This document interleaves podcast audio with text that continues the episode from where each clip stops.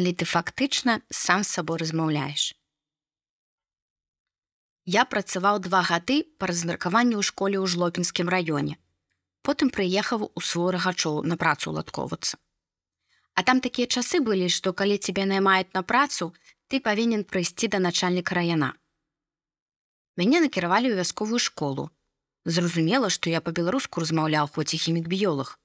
І дырэктар кажа: « Ты гэтую гадасць хоць да нас не пранясі.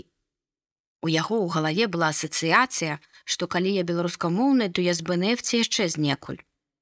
Звычайна ў такія моманты я нічога не даказваю, не спрэчваю.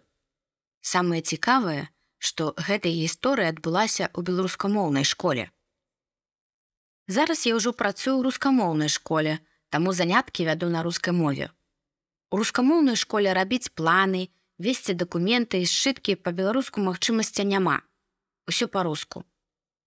Рэаліі мінска і таго ж рагачова зусім розныя. Калі ў нас тут я яшчэ два чалавекі з 35 тысяч размаўляюць па-беларуску, то для астатніх беларускай мовы як кітайская ці французская. Я калі ў школе аналізую веду беларускай мовы, то па-беларуску дзяцей веды ніжэйшыя, чым па-нямецкай. Яны па-нямецку могуць хоць нешта сказаць, а вось беларуская мова для іх складанейшая за замежную. Таму што ніхто не зацікаўлены. Настаўніца беларускай мовы выходзіць з класа і па-руску размаўляе. Як могуць дзеці размаўляць па-беларуску, калі ўсяго тры чалавекі з 35 тысяч паўсюль размаўляюць па-беларуску. Я магу за год не паразмаўляць ні з адным чалавекам па-беларуску. Размаўляю фактычна сам сабой. Гэта катастрофа. Такі незваротны працэс я не ведаю, што рабіць. Прыклад павінен быць зверху, бо знізу ніяк. Нават у беларускамоўных школах палову уроку выкладаюцца на рускай мове. І так ва ўсім рагачове. Тут толькі адна вуліца з беларускамоўным указальнікамі на дамах.